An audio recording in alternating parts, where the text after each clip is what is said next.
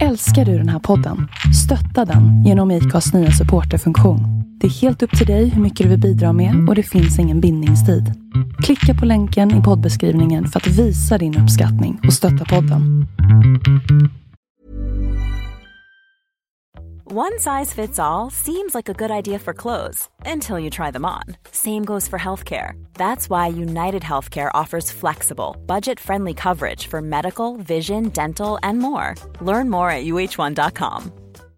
Hey Dave. Yeah, Randy. Since we founded Bombus, we've always said our socks, underwear, and t shirts are super soft. Any new ideas? Maybe sublimely soft. Or disgustingly cozy? Wait, what? I got it. Bombus. Absurdly comfortable essentials for yourself And for those facing homelessness. because one purchased equals one donated. Wow, did we just write an ad?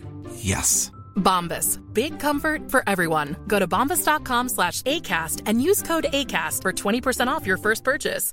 Hey, I'm Ryan Reynolds. At Mint Mobile, we like to do the opposite of what Big Wireless does. They charge you a lot, we charge you a little. So naturally, when they announced they'd be raising their prices due to inflation, we decided to deflate our prices due to not hating you. That's right. We're cutting the price of Mint Unlimited from $30 a month to just $15 a month. Give it a try at mintmobile.com slash switch. $45 upfront for three months plus taxes and fees. Promo rate for new customers for limited time. Unlimited more than 40 gigabytes per month. Slows. Full terms at mintmobile.com. Hej, det är Melinda här. När jag och min man köpte vårt hus så ville vi självfallet skydda det mot inbrott, brand och vattenskador. Vi tog in offerter från lite olika larmbolag men valde därefter Säkra Larm. Vi gillade Säkra Larms koncept med att äga sitt larm och slippa de dyra abonnemangsavgifterna. Samtidigt som vi fick det smarta hemmet. Vi rekommenderar varmt en säker, smart och prisvärd larmlösning ifrån Säkra Larm.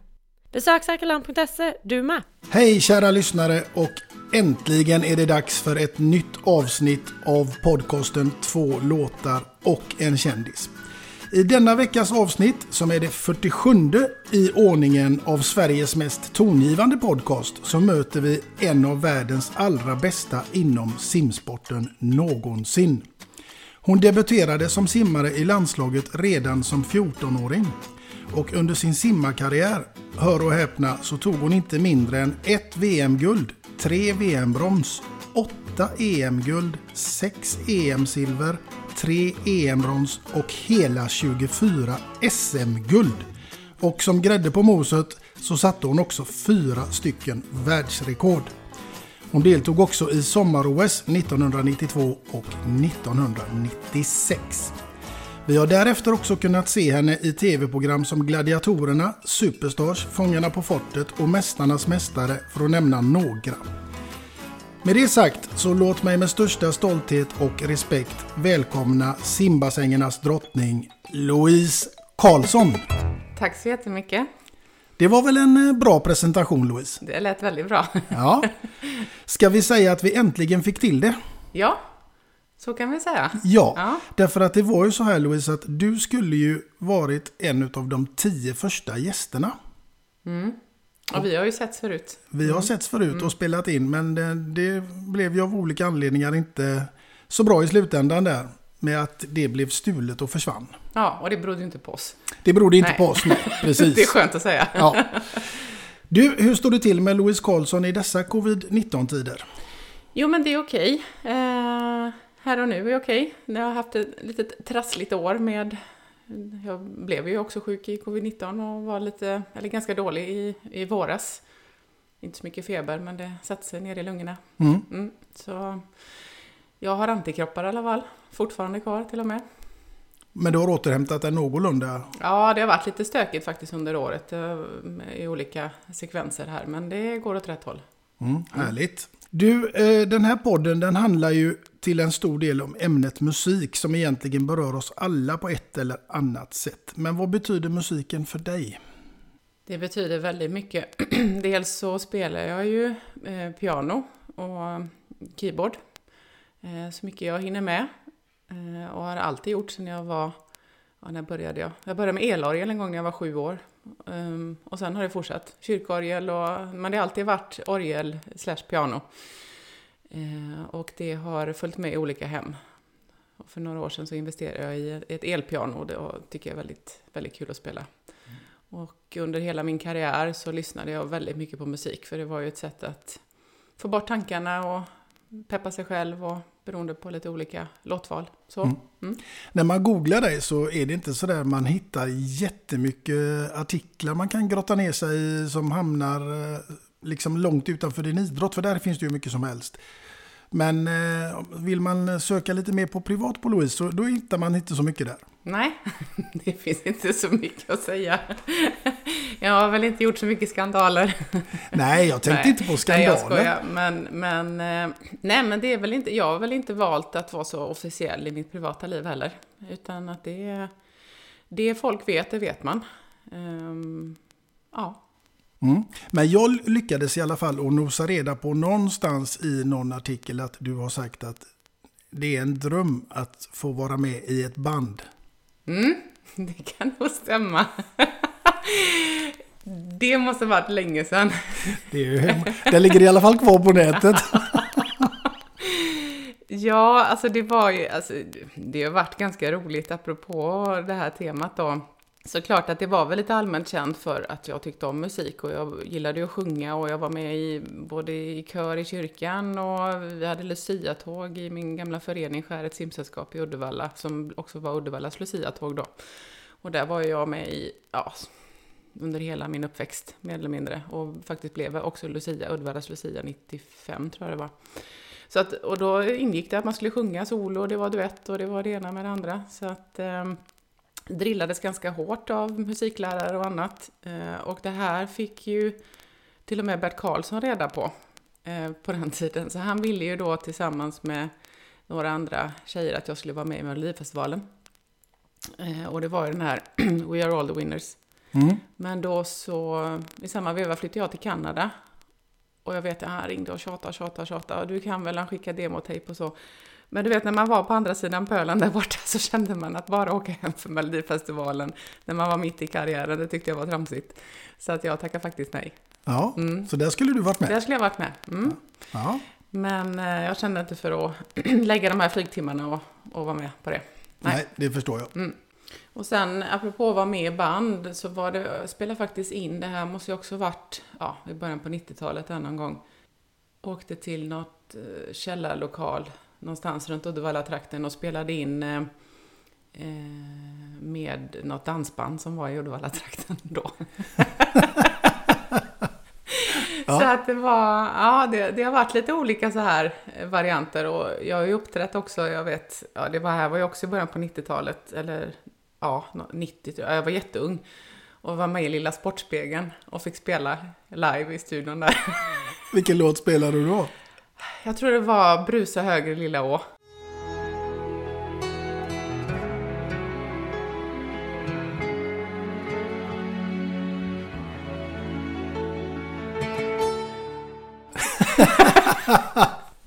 Fantastiskt. Ja. Eh, Och det var, mm, vad heter han, eh, Hård, mm, eh, som var programledare. Jakob. Jakob Hård, ja precis. Mm. Mm. Men det är ändå, då har du ju uppträtt med sång i tv alltså. Ja, och jag har även spelat för, när jag var med i, ska vi se, Bingolotto. Så uppträdde jag också i den här pausmusiken. Lasse Kronér läste bingosiffrorna och jag satt och spelade piano. Se där ja. Så att jag, jag har faktiskt fått spela i band. Ja, Ja. då har du upplevt den karriären Jajamän. också. Ja, och även i Doobidoo som jag och Kenny Bräck eh, var, tävlade tillsammans. Så då spelar vi Johnny B. Good. Eh, han är ju väldigt duktig på gitarr. Så jag spelar piano och eh, han gitarr. Så vi drog iväg en liten blues där. Ja, ja, Ken har jag faktiskt sett spela lite med Sven-Ingvars. Mm, jajamän. Du, eh, simning är ju annars ditt starka ämne kan man väl säga. Mm. Och då tänkte jag, visste du att en och en halv miljon vuxna svenskar kan inte eller känner sig osäkra på om de kan simma 200 meter? Mm, det visste jag faktiskt inte. Eh, Kanske inte just eh, siffran exakt, men att det är väldigt många som känner sig osäkra.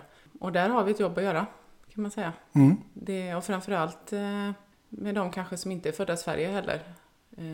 Och det är tyvärr, det, olyckorna ökar. Det är, ju, det är ju tyvärr så på somrarna och så, när det är varmt. Och jag tänker nämligen på att vi ska komma in här. Du tog ju din första medalj i, simning redan som femåring. Mm. 50 bröstsim, 1979. Det- sitter kvar i minnet. Ja, och det var så roligt. För en anekdot från den. Jag kommer ju ihåg, jag ska inte säga att jag kommer ihåg det, men du vet, det, någon sekvens sådär. Men framförallt har ju mina föräldrar berättat då att de satt på läktaren och jag simmade och så skrek väl, om det var mamma eller pappa, så här, kom igen nu Louise. Och jag var alltid så här när jag var liten, så av en ful ovana, så jag alltid bara, ha? och då stannade jag när det var tio meter kvar och hängde på linan och sa, ha? Men jag tog mig i mål Ja, och fick medalj. och fick medalj. Jag kom till det. Ja, Ja. ja. Och sen var det bara etta efter det som gällde. ja det, var, det gick bra efter det också. Mm. Ja, det får man ju verkligen lov att säga. Vi ska fortsätta prata om simning lite mer sen Louise, men eh, eftersom podden delvis också handlar om musik så måste jag ju fråga dig, vilket är ditt absolut första minne som du kan härleda till vad det gäller ämnet musik? Oj. Typ- Nej, men, nej, men alltså det är ju de här barnvisorna. Jag kunde varenda barnvisa utan till. Jag trallade hela tiden med Ida sommarvisa och det var Emil Lönneberga och Madicken och alla de här. Ska inte tro det blir sommar ifall inte någon sätter fart på sommaren och gör lite somrigt. Det var ju på kassettband förr. Och du vet, jag kunde ju alla de här, varenda band utan till, både text och musik. Så att det var, det är nog där som de första delarna har satt sig. Vilken var första låten som du tog hopprepet till då och ställde dig framför spegeln? Hoppa hopprep gjorde jag, men jag vet inte om jag gjorde så mycket liksom. Eh, nej, det har jag faktiskt ingen minne av. Nej? Nej, men som sagt var, när jag var ett par år upp, uppåt där så var det mycket det. Och sen så kom du in i början på 80-talet där så var det mycket det här med tracks och bagen och alla de här när MTV kom eller man lyssnade på det. Då blev det mycket sån musik. Eh, och jag vet, eh, lyssnade ju på Klabbe när han eh, rakt över disk var det väl? Just det. Ja, och det var ju en favorit. Ja, det är en gammal klassiker, det får man ju lov att säga. Så det blev ju mycket och sen kom ju synten in så småningom. Ja, du var syntare. Ja, och sen blev det hårdrock. Ja. Ja, Så du gick från. Lustans lakejer till Iron Maiden. Ja, lite så. Mm. Ja,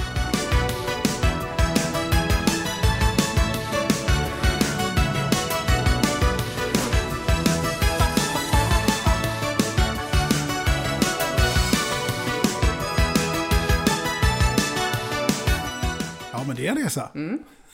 Verkligen. Ja. Och mycket, mycket den här keyboard-syntmusiken som jag gillade att spela då själv. Mm. Så Ja, det- det blev den här gamla pling-plong-musiken som var då. Mm. Och du spelar fortfarande här hemma för eh, William. Ja, och framförallt så försöker jag lära han lite grann. När Ja. han känner för det. Men eh, ja, i alla fall när de har haft musik i skolan så jag har kunnat hjälpa han med eh, de bitarna i alla fall. Vad ska det bli av William nu som har en mamma med alla de här meriterna i simning och en pappa med eh, legendarisk fotbollsspelare i IFK Göteborg och svenska landslaget? Ja, simning blir det inte. Det, det är redan avslutat kapitel, om än att han är duktig på att simma faktiskt, för vi simmar ibland tillsammans. Han krålar på, jag sätter lite simfötter på honom så kan han ligga och köra samtidigt som mig. Eh, men eh, det är ju fotboll då, och det har det varit sedan han, jag tror inte, jag har aldrig sett han gå någon gång. Han sprang alltid när jag var liten, med, framförallt med en boll framför fötterna. Och sen har det varit mycket boll, det har varit badminton, det har varit tennis och, och fotboll. Mm. Mm. Pappas bollsinne. Det kan man väl säga, om än att jag inte är helt talanglös. Men jag har spelat i Oddevall en gång i tiden. Ja, men det är bra. Ja, så nej men det är kul. Jag, jag gillar fotboll. Mm. Ja. När du spelade var du back, mittfältare? Mittfält. forward? Mittfält, ja. Mm, mitt, mitt. Finlirare, slitvarg? Eh, ja, mer slitvarg tror jag. Ja. Ja, Pannben? pannben ja. Ja, det ska vi komma in på mer sen också. Men vi, vi ska faktiskt snudda lite på det redan nu för att VM-guld. Att vinna guld i världsmästerskapen på hemmaplan. Året är 1997. 200 meter medley. Det måste vara starkt. Det var lite nervöst. Mm. Det var det. Jag kommer ihåg eh, innan då så hade jag ju två år innan det så gick VM i Rio de Janeiro. Och då var jag enda svensk att ta VM-medalj. Överlag gjorde vi ganska dåligt VM egentligen då. Men då tog jag min första VM-brons på 200 medley då, individuellt. Och var väl lite så här förhandsfavorit naturligtvis inför VM här. Och det är klart, det utnyttjar ju de i mark- sin marknadsföring. Så det var ju stora trumman överallt. Kom och se när Louise tar VM-guld. Det var ju lite press, naturligtvis. Ja, känner ingen press. Nej, och sen hemmaplan då med allt och alla man kände runt omkring som satt på läktaren i Skandinavium. Fantastisk tillställning och ett enormt eh, framgångsrikt eh, VM för svensk del. eh, Som en liten revansch mot gången innan då. Men då när jag gick in på finalen, jag, hade, jag visste att jag var i form. Jag, var jätte, hade haft en fantastisk vår. Så att jag var inte orolig för det, utan det var mer att hålla huvudet i schack. För det kan ju spöka rätt rejält. Mm. Och jag vet när jag gick in på VM för nu, jag tänkte, hade någon bara kommit och sagt, vill du följa, ta, här får du en bussbiljett, så hade jag sagt ja och följer med. det var jättehemskt. Ja, det förstår jag ja, verkligen. ja, jag var så koncentrerad så uscha mig. Ja. Ja, och därefter är det väl i samband med det som du flyttar till Kanada? Nej, eller både och. Jag har haft många episoder i Kanada. Jag flyttade dit första gången, ska vi se här, hösten 92, efter OS i Barcelona. Mm. Eh, och var där då under några säsonger. Och sen var jag hemma lite grann, för jag fick operera axlarna tyvärr emellan, eh, lite från och till. Och sen åkte jag tillbaka igen ett år efter då, VM-guldet då. Så att jag har varit i Kanada egentligen i ett par år, fast uppdelat. Mm. Mm. Vad eh, kom det sig att du hamnade i Kanada? Det var egentligen så berodde det på att jag lärde känna en del kanadensiska simmare i början på 90-talet.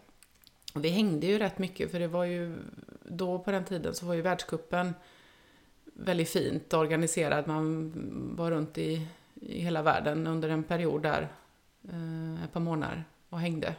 Så att lär- jag lärde känna väldigt många simmare under den perioden och de har faktiskt förblivit många av mina vänner och vi har kontakt på Facebook och så fortfarande, vilket är kul. Ehm, och då var tränaren i, i Calgary då, som jag var i, han var förbundskapten i Kanada. Så då började vi prata lite och så sa han, du får jättegärna komma hit och, och köra med oss och res- representera klubben då. Mm. Mm. Så på den vägen var det. Mm. Ett helt annan miljö och ett helt annat land. Ja, fast väldigt likt Sverige. Mm. Mm. Så att jag, jag hade ju lite varianter också att åka till USA. Eh, för det var ju då man skulle börja välja. Jag fick ju lite erbjudanden för att med scholarship och så få tävla för amerikanska klubbar. Så jag stod och valde mellan att göra det, satsa på skolan, eller åka till Kanada och bara träna. Mm. Eh, och få betala allt själv. Men jag på något sätt så hade jag lite problem med axlarna och sådär. Jag kände att det var ganska hård miljö i USA utifrån den aspekten. Så då kände jag att det var lite mer li- liberalt i Kanada. Mm. Och då var jag lite mer på mina egna principer där också. Mm. Och vilket jag jätte, ångrar inte en sekund att jag åkte dit. Nej. Väldigt väl omhändertagen. Sen tycker jag Louise att det här bör man ju faktiskt ta upp och nämna lite för att med hela den här fantastiska meritlistan som du faktiskt har. Det är en bedrift i sig men det blir en ännu större bedrift tycker jag om vi ska komma in lite granna på ämnet doping. För jag Mm. är helt övertygad om att alla de du simmade mot där, de hade inte käkat yoghurt till frukost. Nej, det var faktiskt nog bara jag. Tyvärr. Nej men alltså, det var ju på den tiden så var det ju mycket asiater utan att, att på något sätt nedvärdera dem. Men då i alla fall så var det mycket doping och det kom ju fram så småningom att det faktiskt var så. Mm. Så många av de konkurrenterna som jag faktiskt slog, och det får jag ändå se som en merit i sig, eh, hade tagit förbjudna preparat då, eftersom det var ju väldigt stängt på den tiden i början på 90-talet. Mm. Ehm, Så att, och det blev ju nästan så att de anklagade, för de förstod väl själva vad de höll på med naturligtvis. Och då började de ju anklaga att jag också var dopad, så det var ju ett jävla cirkus där ett tag. För de fattar ju inte hur någon kan ta dem som inte var dopad. Nej, precis. Utan då måste ju den personen varit dopad också. Mm. Så att jag vet Hans Kronak fick gå en ganska hård fight där liksom, eh, medialt eh, ett tag. Mm. Nej men det, det är faktiskt någonting som jag känner väldigt stolthet över, för vi var mycket i Kina och tävla. Och jag såg, jag såg inte det personligen, men man såg hur, hur Kina funkade då kan man säga. Mm. Det är ju en helt annat eh, än vad det är idag. Mm. Och sen då när den här mur, kinesiska muren föll så att säga inom det här ämnet 94, då har det ju liksom varit ganska lugnt efter det. Mm. De, har ju, de har ju fått fram bra simmare men inte alls på den nivån. Eh, och inte i den mängden. Nej. Nej. Då, när rätt ska vara rätt så att säga. Mm. Du, eh, en annan grej som har med simning att göra det är ju faktiskt att vi har en gammal eh, VM-hjälte från 94 som blev hjälte i ett sam annat sammanhang när han faktiskt räddade livet på dig också. Mm. Ravelli. Thomas Ravelli. Thomas, ja. Vad hände där? Nej men det var ju, det var det här 98 kanske någonting där va? Eh, då skulle vi ha jippotävling här i Skandinavium. Det var eh, välgörande ändamål det skulle gå till och det var jättemånga idrottskändisar. Det var en gedigen lista skulle jag vilja säga på den där. Eh, och det var fantastiskt kul event som sådant och det var, jag tror nästan att det var Ja, slutsålt var det väl inte för det var väl halva de hade öppnat, men det var väldigt mycket publik i alla fall.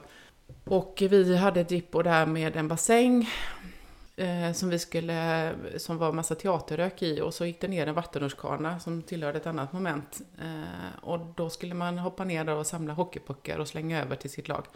Och då tänkte de ju att det är ju en grej som jag ska göra då eh, i mitt lag. Och eh, det gjorde jag.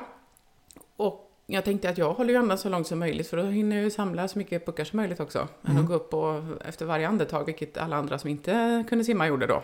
Så att jag samlade ju på väldigt mycket puckar. Men sen hade jag haft ganska stressig period då. Det var mycket med simningen och jag hade spelat in Fångarna på fortet och det var, jag hade inte sovit. Eh, ja, det var mycket resande, eh, så min kropp var ganska slutkörd. Och sen har jag det här problemet som jag har med, med hjärtat som far runt ibland. Och då, ja, helt plötsligt så kände jag bara att det svartnade. Det, jag, jag kom liksom in i den här tunneln. Och sen var jag borta. Det är det enda jag kommer ihåg. Åh herregud. Förrän jag vaknade upp på golvet efteråt sen, inne i Skandinavien. Det var helt knäpptyst. Usch. Mm. Och då hade ju Ravelli fattat att nu, nu har nog för att hon kan hålla andan, men inte så här länge. Så då gick de runt och försökte titta in i bassängen om de såg mig och då lyckades de ju se mig då. Eh, Så då hoppade han och Kalle Johansson tror jag det var och några till och fläckte upp mig där. Ja, Mm. änglavakt den gången. Ja, så är det. Härligt. Mm, Att det slutade lyckligt. absolut. Du, eh, nu ska vi leka lite med din fantasi Louise. Och då ska du få bege dig till en öde ö. Och den här gången kan du inte simma därifrån. Mm. Och du får bara ta med dig en enda platta. Vilken blir det? En enda platta, då tänker du på eh, en, en liksom skiva, Exakt. inte en låt. Nej. Nej, en skiva. Mm. Jag skulle nog vilja säga att det är någon sån här blandad skiva i så fall. Mm. Som har med 90-talet att göra. Ja, en Alltså Best of 90, Best of 90. typ. Den åker ner. Mm. Ja.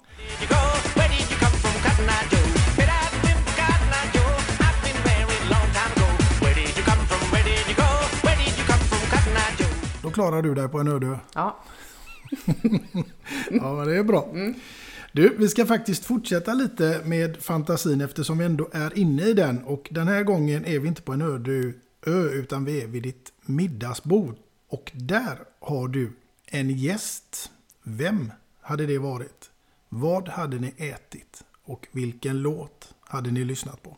Jag skulle gärna, eh, det finns två, eh, har framförallt en, Barack Obama. Mm? Mm, utan att lägga några politiska värderingar till något håll, men som person. Mm. Mm. Och vad hade ni ätit? Skaldjur. Ja. Mm. Och vad hade ni lyssnat på? Jag tror att det hade varit något traditionellt svenskt i det sammanhanget. Ulf Lundell eller någonting sånt där. Mm. Inte för att jag normalt sett lyssnar på honom, men utifrån eh, den delen så tror jag att eh, någon svensk artist. Mm. Louise Karlsson, Barack Obama och lite Ulf Lundell. Mm.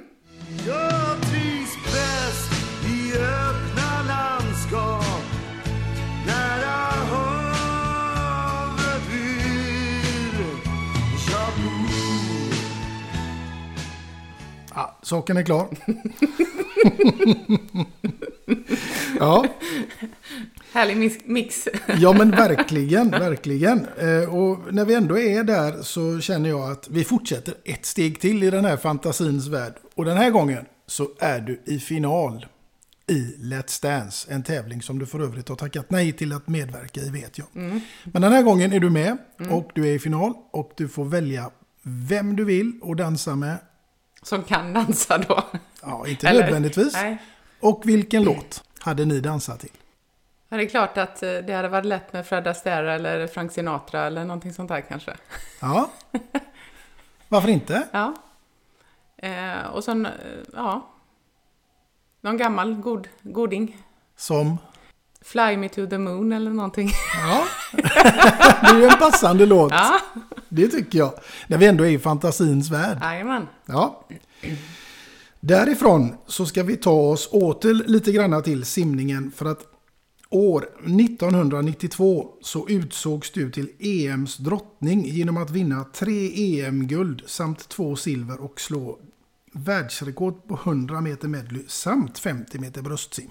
Och du har dessutom slått dina egna världsrekord. Mm. Ja, det är ingen annan som har gjort det under den perioden, utan det var bara jag. Mm. Ja. Mm. Alltså hur i all sin dar lyckas man? Jag var i bra form. Det var efter min första, eh, apropå Kanada då, så var det, jag hade varit där ett halvår. Så det sa bara pang i min utveckling. Eh, vilket jag, som jag nämnde innan, eh, var väldigt stolt över att få, få äran att vara där. Mm. Så att det, det, var, det var en skörd av det, kan man säga. Mm. Det är väldigt få som har de meriterna som du ändå har med alla de här medaljerna. Och, och jag tänker att vi ska komma in ännu mer på det här lite senare. Men det måste ju krävas mängder av träning och pannben och talang och en salig mix. Mm. Jag skulle inte vilja börja från början, men heller inte ha det ogjort. Eh, nej, det var jättemycket. Det, det är mycket träning. Simning är... Nu så här i efterhand så vägrar jag nästan gå in i badhus. Det är ett avslutat kapitel i mitt liv. Däremot så älskar jag fortfarande att simma, men det får jättegärna vara lite varmt och utomhus. Mm. Mm. Eh, så sommarhalvåret eh, är jag en periodare som jag simmar mycket. Mm. Mm. Men, eh, nej, men det var ju träning, eh, alltså det var 40-45 timmar i veckan. Det är en arbetsvecka. Det är en arbetsvecka. Ren konditionsträning och då räknar jag inte med när man sitter och stretchar och håller på. Utan i bassäng eller i, i styrketräningsrummet. Ja. ja, det låter som att det var något man inte hade hoppat på känner jag. Nej. Om man jämför med, jag vet på den tiden när jag var 12 år, då tränade jag mer än vad ett allsvenskt fotbollslag gjorde. Vi byter ämne tycker jag. ja. Du Louise, jag är faktiskt extremt nyfiken på ditt första låtval som du ska få presentera vad det kan vara och framförallt varför. Mm. Det är ehm, eh, Life is a Highway med Tom Cochrane. Och det är från min tid i Kanada helt enkelt. När vi åkte, jag bodde ju i Calgary. Och när vi hade tid över, jag älskar naturen och jag fortfarande då. Och eh, där är ju en fantastisk natur med Klippiga bergen. Så det var ju bara en 8-10 mil in till Klippiga bergen. Till alla de här turkosa sjöarna och eh, snöbeklädda bergen. Så då åkte jag och då vet jag att då hade jag eh, leasat en, en Honda som man kunde ta av taket på. Mm. Och det var jättefräckt på den tiden Ja, naturligtvis. verkligen. Och då åkte jag och då spelade jag Life is a highway. Och så åkte jag på highway och så tyckte jag livet var helt fantastiskt. Då tycker jag att vi tar och kör låten Life is a highway.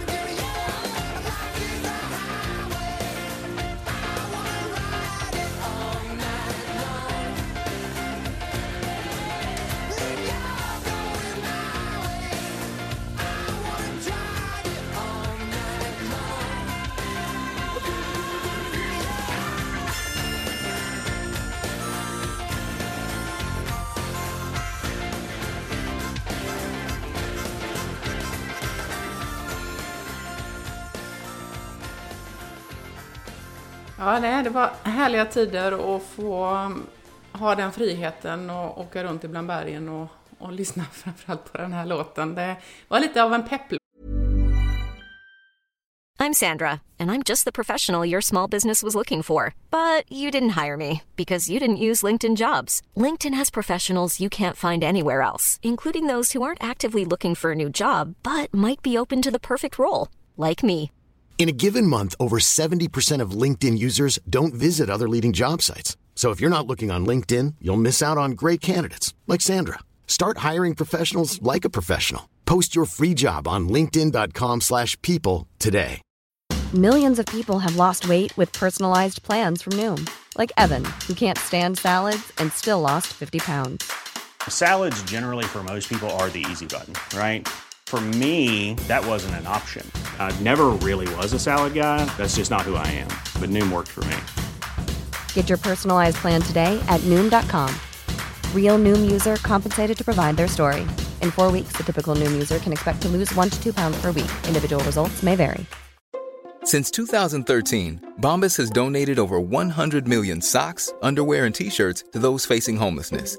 If we counted those on air, this ad would last over 1,157 days. But if we counted the time it takes to make a donation possible, it would take just a few clicks. Because every time you make a purchase, Bombas donates an item to someone who needs it. Go to bombas.com slash ACAST and use code ACAST for 20% off your first purchase. That's bombas.com slash ACAST, code ACAST. Hey there, it's Michelle Norris. I'm host of a podcast called Your Mama's Kitchen. When I travel, I'm usually looking for a way to find a taste of home when I'm not at home. And one of the things I love to do when I am at home is entertain. And Airbnb allows me to do that. When I was in California recently, I rented a house that had a great kitchen. And when we were sitting around the table, we're all thinking, we're in someone else's house. Someone could be in all of our homes as well. If you have a home, but you're not always at home, you have an Airbnb. Your home might be worth more than you think. Find out how much at airbnb.com/slash host. Planning for your next trip? Elevate your travel style with Quince. Quince has all the jet setting essentials you'll want for your next getaway, like European linen, premium luggage options, buttery soft Italian leather bags, and so much more. And is all priced at 50 to 80% less than similar brands. Plus, Quince only works with factories that use safe and ethical manufacturing practices. Pack your bags with high-quality essentials you'll be wearing for vacations to come with Quince. Go to quince.com/pack for free shipping and 365-day returns. Och som sagt var, jag hade en väldig framgång borta i Kanada under alla de åren. Så att jag var liksom, eh, hela jag mådde bra. Mm. Och, så det, den låten, eh, den är mycket må bra för mig. Det kan jag verkligen förstå. Och eh, jag tänker så här, med den, allt det här med framgång och, och sådär. Och Mästarnas Mästare vill jag ju gärna komma in på. För där har du varit med gånger två.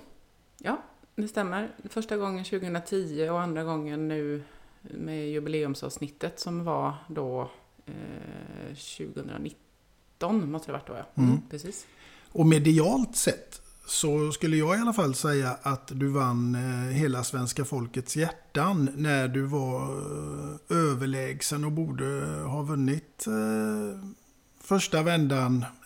Nu gick det istället till Armand eh, Kranch där på grund av ditt stresshjärta. Mm. Ja, det var väl lite frustrerande när jag ändå hade vunnit, för då var det lite upp, det var ju uppdelat på ett annat sätt än vad det är nu. Då fick man vara där hela tiden. Det ändrades ju året efter att man var uppdelad i, i en och en halv vecka eller två veckors perioder bara. Och sen blev det väl mindre och mindre tror jag. Så att, men vi som var där då under de här två första säsongerna, vi som var kvar på slutet fick ju köra alla dessa ja, 25 deltävlingar eller någonting. Det var väldigt mycket. Varav att jag vann väl 20 kanske. Nej men det var väldigt mycket. i alla Mm. fall. Så jag var immun på väldigt många sådana här nattdueller. Mm. Eh, förutom eh, den sista. Och då mötte jag ju Thomas Brolin i naturell. Och det var ju massa pakter på den tiden. Det var pakter åt höger och vänster. Men jag, jag och Thomas har ju känt varandra i så många år och var vänner. Och jag var väl någonstans här mitt emellan de här två pakterna som var. Men det var speciellt att stå där med honom. Ingen av oss ville ju egentligen eh, åka ur. Men eh, där får jag... Jag har en bra reaktion. Och det är väl för att jag är van vid pistolstarts eh, tävlingar. Mm. Så när startskottet går, går ska jag helst ha lämnat innan. Ja. Nästan. Ja. inte, inte, inte precis innan för då blir det tjuvstart men i alla fall eh, så, så, så nära inpå som möjligt. Mm. Så att reaktion eh, visste jag att jag hade. Så jag, jag hade ju ändå mm, stora förhoppningar på att jag skulle kunna ta, ta en där. Mm. Och det här med Mästarnas Mästare, jag älskar det programmet men jag skulle ju vilja vara en liten fluga på väggarna även när kamerorna inte är på för att komma in på ett ämne här nu, du som ändå är bekant med vattnet. För nu tänker jag att det måste ju vara hela havet stormar när personligheter som Patrik Sjöberg, Thomas Brolin, Stefan Holm och Louise Karlsson och med flera eh, delar ett hus. Alltså vi snackar ju utpräglade vinnarskallar. Mm. Nej, men det var hela havet stormar. Det är ganska så bra sammanfattat. Jag skulle vilja säga att jag ibland så skrattar jag och så tycker att de sista årens Mästarnas Mästare, det är så gulligt. Det, och så brukar jag jämföra med hur jag hade det liksom. Det var verkligen, det var krig varje dag. Det var grejer, det hände något hela tiden som man fick ha diverse olika utredningssamtal om. Och ja, men Patrik var väl inblandad i ganska mycket av de här. Ja, Ja, Mm. jag kan tänka mig det. jag, tycker om Patrik jättemycket. Mm. Så att det, men men det, var, det, var, det är fascinerande. Mm. Men Thomas Brolin är inte så dålig vinnarskalle han heller. Nej, men han är en, han är en pokerspelare va? Så han, han kan köra lite pokerface och, och, och rikta lite vinden så. Mm. Mm. Ja, ja nej, som sagt var, där skulle man ju verkligen eh, vilja varit med. Hur ser du eh, egentligen på din karriär så här i efterhand? För ni får ju minnesvideor där nere allihopa och de är ju fantastiskt roliga för oss eh, tittare att se. Men om, om jag får höra dig själv berätta lite om hur du ser på din karriär så här i efterhand. När man tänker, ju- alltså, jag går ju aldrig runt och tänker på min karriär dagligen. Utan det blir ju bara vid sådana här tillfällen och eh, en del av de filmerna som de spelar hade jag väl inte sett. Det finns ju väldigt mycket material, vilket är jättetacksamt eftersom jag, det är en, det är en tv-sportsimning. Så det finns ju oändligt mycket bandtimmar eh, från min karriär. Men, men det, var, det var häftigt att få dela den, den stunden och andras filmer också för den delen. Eh, när man sitter där och tittar. Jag var ju ändå tillsammans med dem, vi var ju ungefär i samma era allihop som var där. Mm. Även om det var Ulrika Knape var väl kanske den som var äldst. Men hon känner jag ju utifrån Anna och hon var förbundskapten när jag höll på att simma fast för simhoppet och vi umgicks ju ändå, det var ju samma landslag. Ehm, Men vi, jag hade ju full koll på alla andras karriärer som var där. Och de likadant på min. Och då blir det lite lättare att kanske prata om det. Mm. Mm. Ja, såklart. När känner du att du blev Louise Karlsson med hela svenska folket? Ja, men det var väl mitt VM-guld egentligen. 97 där. 97. Mm. Och sen egentligen efter Mästarnas Mästare. Så det är egentligen två olika sekvenser. För att jag nästan så att det blev mer efter Mästarnas Mästare då när jag tyvärr förlorade då. Mm. För då var det lite som du var inne på, det var väldigt många som tyckte att jag skulle varit den som hade vunnit eh, rättvist då. Mm. Men eh, de, jag pratade ju med, med eh, SVT efteråt. Och de, hade, de fick stänga ner växeln. Den kraschade. Det var så många som ringde och var så arga efter programmet. Och det är lite fräckt. Jag tror, de sa att jag tror, de, de, det har liksom inte hänt innan. Nej. Men det känns nästan som det, det är en strategi från de här tävlingarnas sida. Liksom, att det är ju samma sak när man sitter och tittar på Robinson och det här. Alltså, men det är ju så mycket pakter och det är ju inte alltid den bästa vinner som bör vinna. Liksom. Nej, så är det ju. Och Men det- det är ju en del av, av, av spelet på något sätt. Ja, det är det man inte gillar när man, tyck, när man är av åsikten att må bäste man vinna. Liksom. Mm. Men det kan ju vara att i en avgörande final så är det någon som har fördel av en viss gren. Mm. Så att jag menar, det är ju det var det. Var det. Och klart att nu visste de ju om på ett sätt att jag hade problem med hjärtat, men jag, eftersom det blev så intensivt tävlande för min del så orkade jag liksom inte, alltså hjärtat sa ifrån helt enkelt. Det blev för mycket med stress och press och dålig sömn och hela det här. Plus att det var 48 grader varmt. Mm. Det var ju på Malta liksom mitt i sommaren. Så det var fruktansvärt. Ja, det låter ju inte som de optimala förutsättningarna för din del. Nej, det var svårt att lugna ner sig då kan man säga. Ja. Hur är det med ditt stresshjärta idag? Jo, men det, det funkar hyfsat eh, bra. Eh, Därav i egentligen under normala omständigheter göra det, men eh, efter det här covid eh, som jag hade då så satte det sig lite där också så att eh, jag hade eh, en period där det inte var så bra. Nej. Men nu, nu är det bra igen. Ja, det gäller att vara aktsam i dessa tider. Du är också god vän med eh, en annan gäst här i podden, Susanne Gunnarsson. Mm. Vi har känt varandra i väldigt många år. Ja. Ja. Det var väldigt roligt när jag kom hem till henne där och skulle spela in henne och så sa hon ja, jag har hälsningar till dig och så är det Louise Karlsson och då helt plötsligt så börjar man tänka de här två vin- vinnarskallarna. jag förstår varför ni är bra kompisar. Ja. Nej men, eh, nej men hon, eh, vi har delat väldigt mycket. Eh, eh, både roligt och sorgligt genom åren. Så att det, vi har liksom varit vänner, alltså re- rent ut sagt eh, funnits där för varandra. Mm. Mm. Det blir mycket sånt inom idrotten att man får eh, vänner utifrån allt möjligt när man är och tävlar i VM och OS och vad det nu är. Ja, och även liksom de här andra programmen som jag har förmånen att få vara med i, eh, som, där idrottsprofiler samlas. Därav att jag känner väldigt många utanför simningen. Vilket eh, är fantastiskt roligt. Och det är ju vissa event som varje år samlar det här gänget. Alltifrån idrottsgalor till olika, exempelvis Olympiatrav och så vidare. Jag var ju sponsrad av ATG under hela 90-talet så därav att jag var ju väldigt mycket ute för deras räkning. Och fick också träffa andra idrottsprofiler. Så, och det har blivit liksom, man har hängt ihop, man har fortfarande följer varandra och Facebook på gott och ont, men en fördel är ju att man ändå kan följa varandra där Mm. och dela varandras vardag. Absolut. Ja. Och när vi är inne på det här med sponsring. Du eh, arbetar idag på Länsförsäkringar Ja, sedan 23 år tillbaka. som Eh, ansvarig för sponsring och även eh, har hållit på med företagsförsäljning i alla år också, för jag tyckte det var kul. Mm. Så att det är både, både och, både försäljning och marknad. Och dessutom så sitter du i BK Häckens styrelse. Det stämmer, och i Vansbrosimmets styrelse. Mm. Mm. Men jag är väldigt nyfiken på hur i all sin dar hamnar du i BK Häckens styrelse? För min fotbollskunnighet. nej, jag skojar.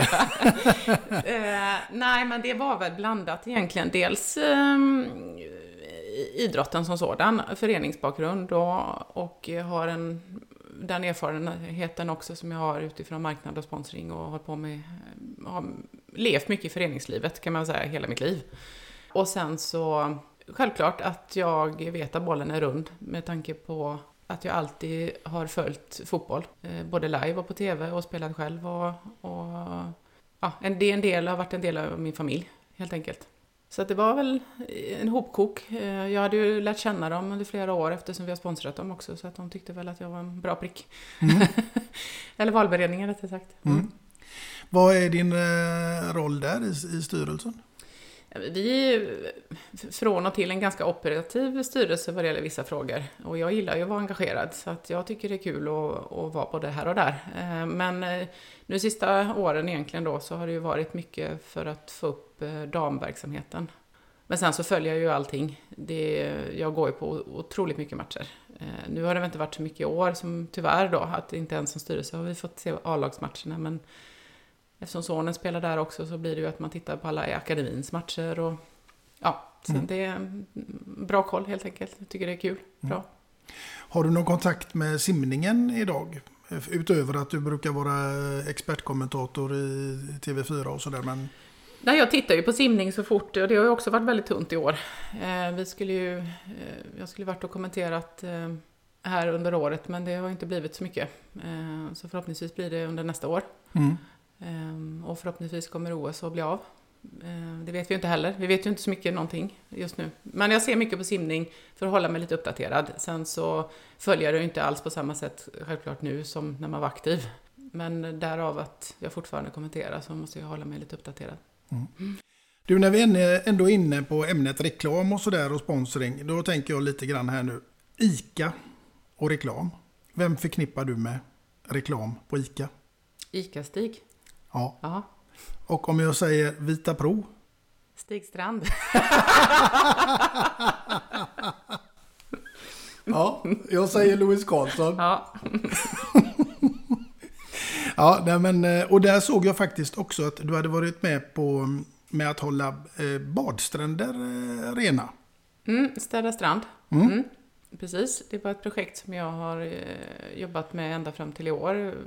Under väldigt många år. Jag tror det är, ja, det är nog tio år. Eller ja, åtta, tio år. Mm. Mm. Har varit ambassadör för det. Mm. Fantastiskt projekt. Mm, verkligen, det Mm. behövs kan man ju säga. Mm. Och varit med och städat också. Och det är väldigt mycket skit.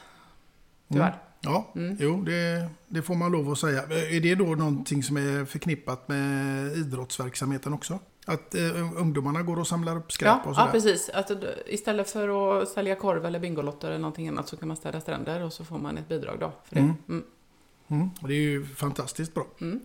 Du, eh, innan vi kommer in på ditt andra låtval så har vi alltid någonting som heter Fem snabba. Och det ska du få nu. Kan bli fem långsamma i svaret. Det återstår att se. Ja. Havet eller bassäng? Havet.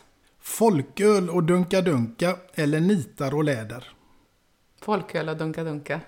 X on the beach eller Antikrundan? Antikrundan. Vara sämst bland de bästa eller bäst bland de dåliga?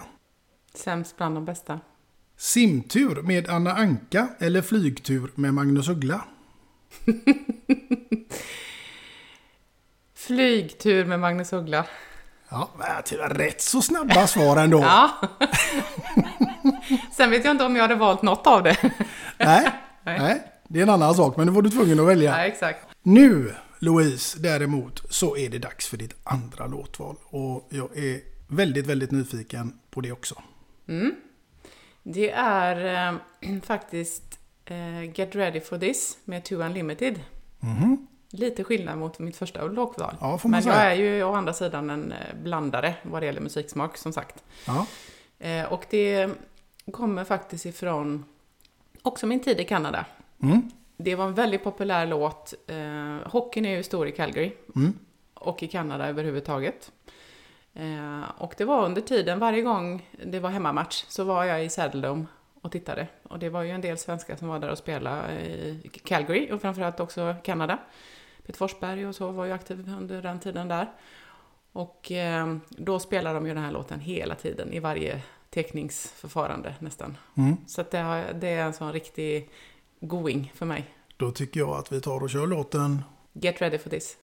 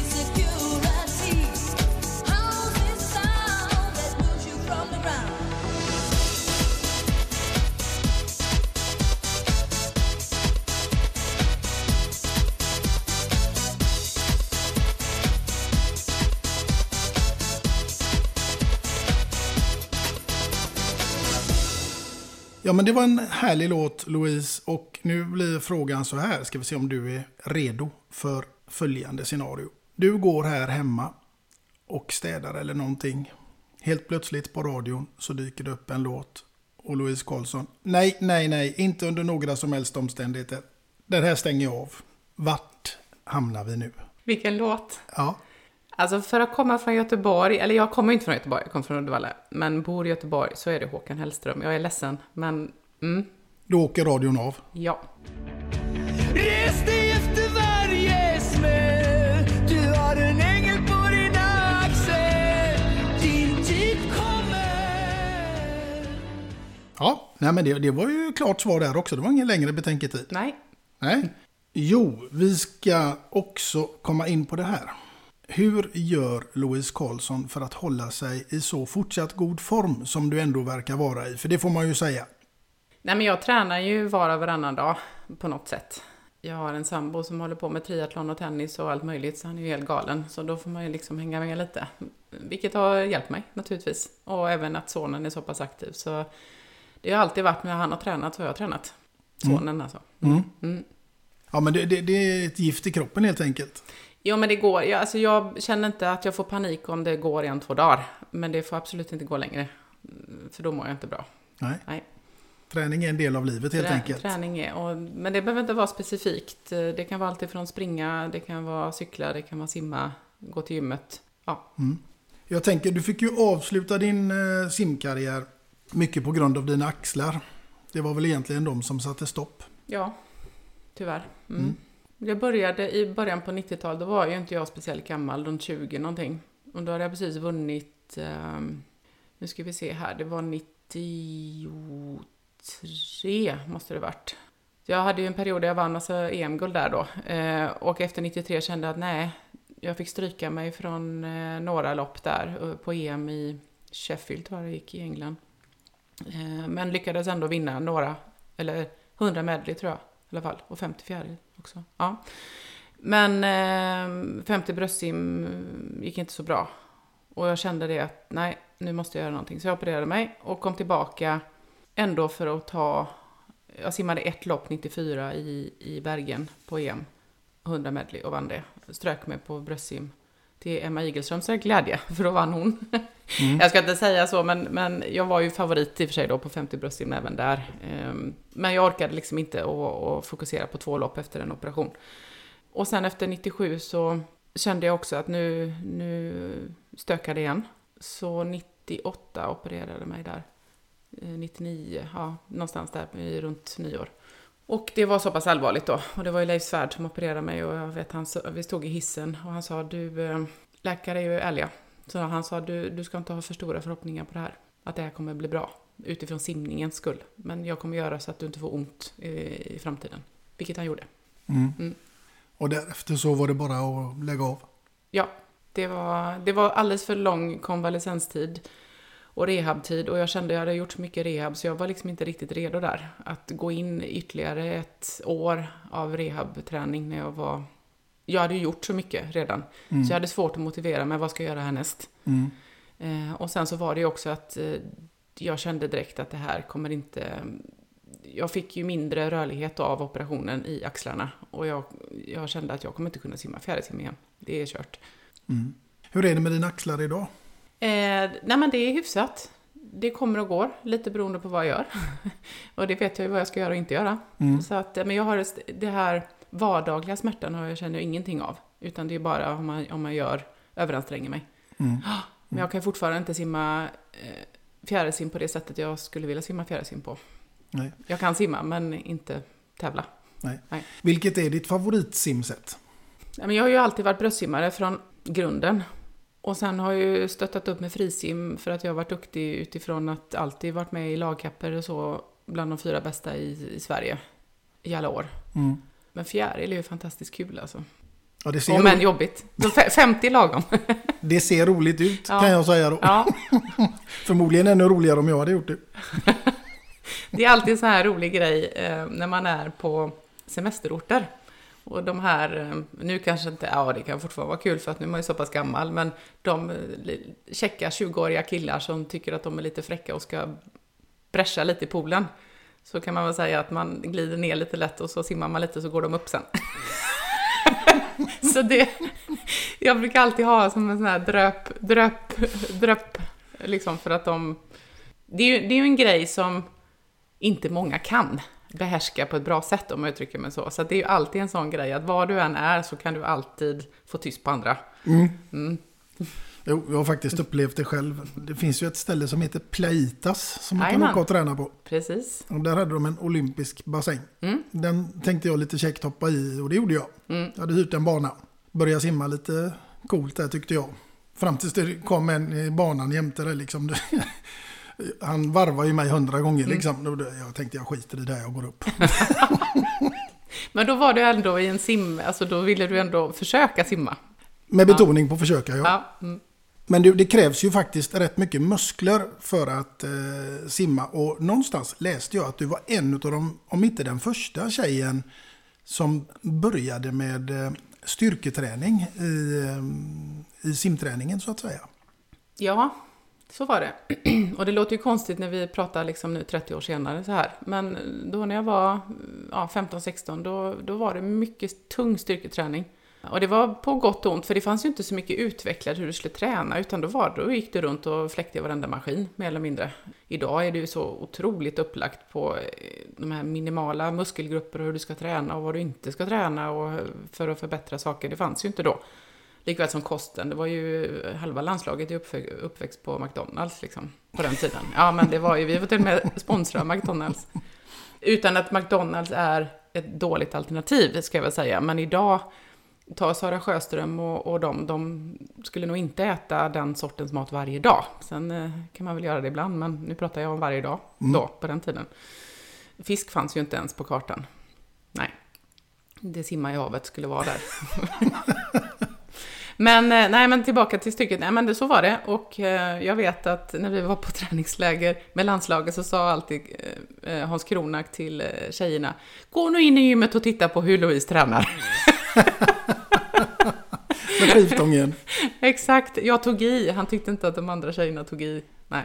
De var inte så Mm. glada på dig. Nej, de tyckte att det var mest jobbigt att hålla på och dra i de här maskinerna. Ja. Men så blev du bäst i världen också. Ja, absolut. Sen så, alltid, det är klart, hade jag fått göra om min karriär nu på slutet, eller jag, ja, så som dagens eh, simning är uppbyggd, så klart att jag kanske hade förskonat mig också från många skador. Mm. Så är det ju. För Mm. du har en helt annan kunskap om hur du ska träna idag.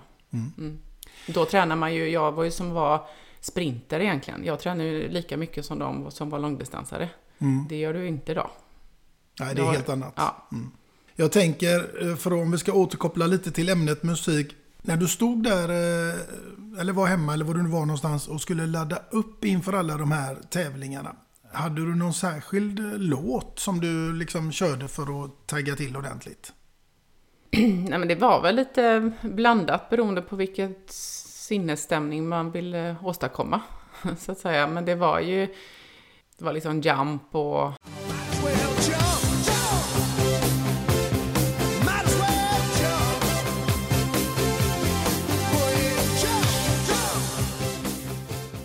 Ja, en del liksom så här softrock-låtar, kan Mm. man väl säga. Mm. Ja. Jo, en del säger att de inte vill ha någon musik alls för att det påverkar dem negativt och andra vill ha det för att det, man går igång liksom. Det, är- Ja. det är väldigt individuellt. Nej, men då underlättade det för mig. Mm. Jättemycket. Jag hade eh, på den tiden när det kom de här portabla CD-spelarna man gick runt och bar på. Den var överallt. Ja. Och den här vattentäta Sony Walkman var ju fantastisk för då kunde den ju hänga med och bli lite blöt. Det gjorde inte så mycket. Nej. Nej. Så är det. Jo, Louise, eh, jag tänker att jag måste ju också få fråga hur ser framtiden ut och vad kan vi förvänta oss av Louise Karlsson där? Ja, jag hoppas fortfarande att naturligtvis som många andra säger och, och så att man får vara vid hälsan. Och eh, fortsättningsvis jobba med någon form av idrott och förhoppningsvis se min son utvecklas som fotbollsspelare och få följa med hans resa. Eh, Han får gärna sitta på bänken mot Blåvitt. Ja, vi får se vad som händer. Men, nej, men det är fantastiskt kul att se när barn, barnen utvecklas eh, oavsett vad det är de håller på med naturligtvis. Eh, Så att, eh, eh, och vem vet vad jag gör i framtiden. Nu är jag ju 46, så får vi se. Det är, det är ett tag kvar till pension, men eh, kommer fortfarande vara aktiv inom, inom någonting i alla fall.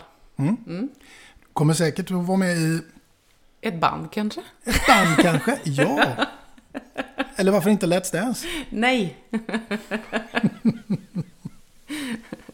Nej. Ja, det är i alla fall ett tag kvar till Antikrundan. Ja, det, det är det. Om än att jag faktiskt tycker det är lite kul att titta på gamla saker. Ja. ja, du har något framför dig just nu. Ja, nej, inte så. Jag trodde du menade grejer här hemma. Ja, nej, jag tänkte nej. att jag har ju passerat 50. Ja, ja, ja, men det är ingen ålder. Ja. Innan vi börjar närma oss slutet här på denna fantastiska poddstund så ska jag också be att få bidra med någonting till ditt kök som vi sitter i här och nu. Och då är det ju ingen maträtt jag tänker be att få bidra med, men väl en kaffemugg faktiskt med två låtar och en kändis och självklart ditt namn ingraverat här, Louise Karlsson. Och den här hoppas jag att du ska behålla som ett eh, kärt och trevligt minne från denna stund. Tack så jättemycket. Ja, då är det ingen som snor den muggen här. Nej, Nej. det står mitt namn på, då är det min. Ja, Ja. för morgonkaffe är viktigt, eller hur? Det är väldigt viktigt. Mm. Du, innan vi säger tack och hej här nu till alla lyssnare så ska vi ta en sista sak och det var att om du var i min situation nu, vem hade varit din gäst då? Det hade varit Fredrik Reinfeldt. Det är ett bra eh, val. Vi får se om jag lyckas få med honom. Ett bra tips Louise. Ja, det var gratis. Det var gratis. Ja, härligt. Och med det sagt kära lyssnare så säger vi tack så mycket för denna gång och jag hoppas självklart att ni finns med oss i nästkommande avsnitt och eh, vem som är gäst då, det återstår att se. Vem vet, det kanske är Reinfeldt. Tills dess, ha det gott! Tack, hej!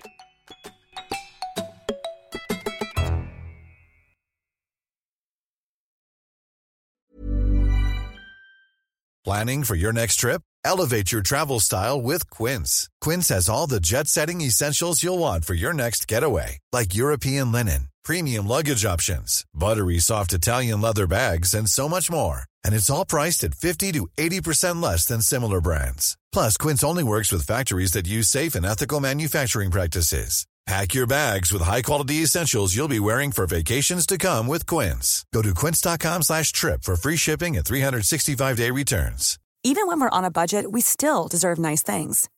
Quince is a place to scoop up stunning high-end goods for 50 to 80% less than similar brands. They have buttery soft cashmere sweaters starting at $50, luxurious Italian leather bags, and so much more. Plus, Quince only works with factories that use safe, ethical, and responsible manufacturing. Get the high-end goods you'll love without the high price tag with Quince. Go to quince.com slash style for free shipping and 365-day returns.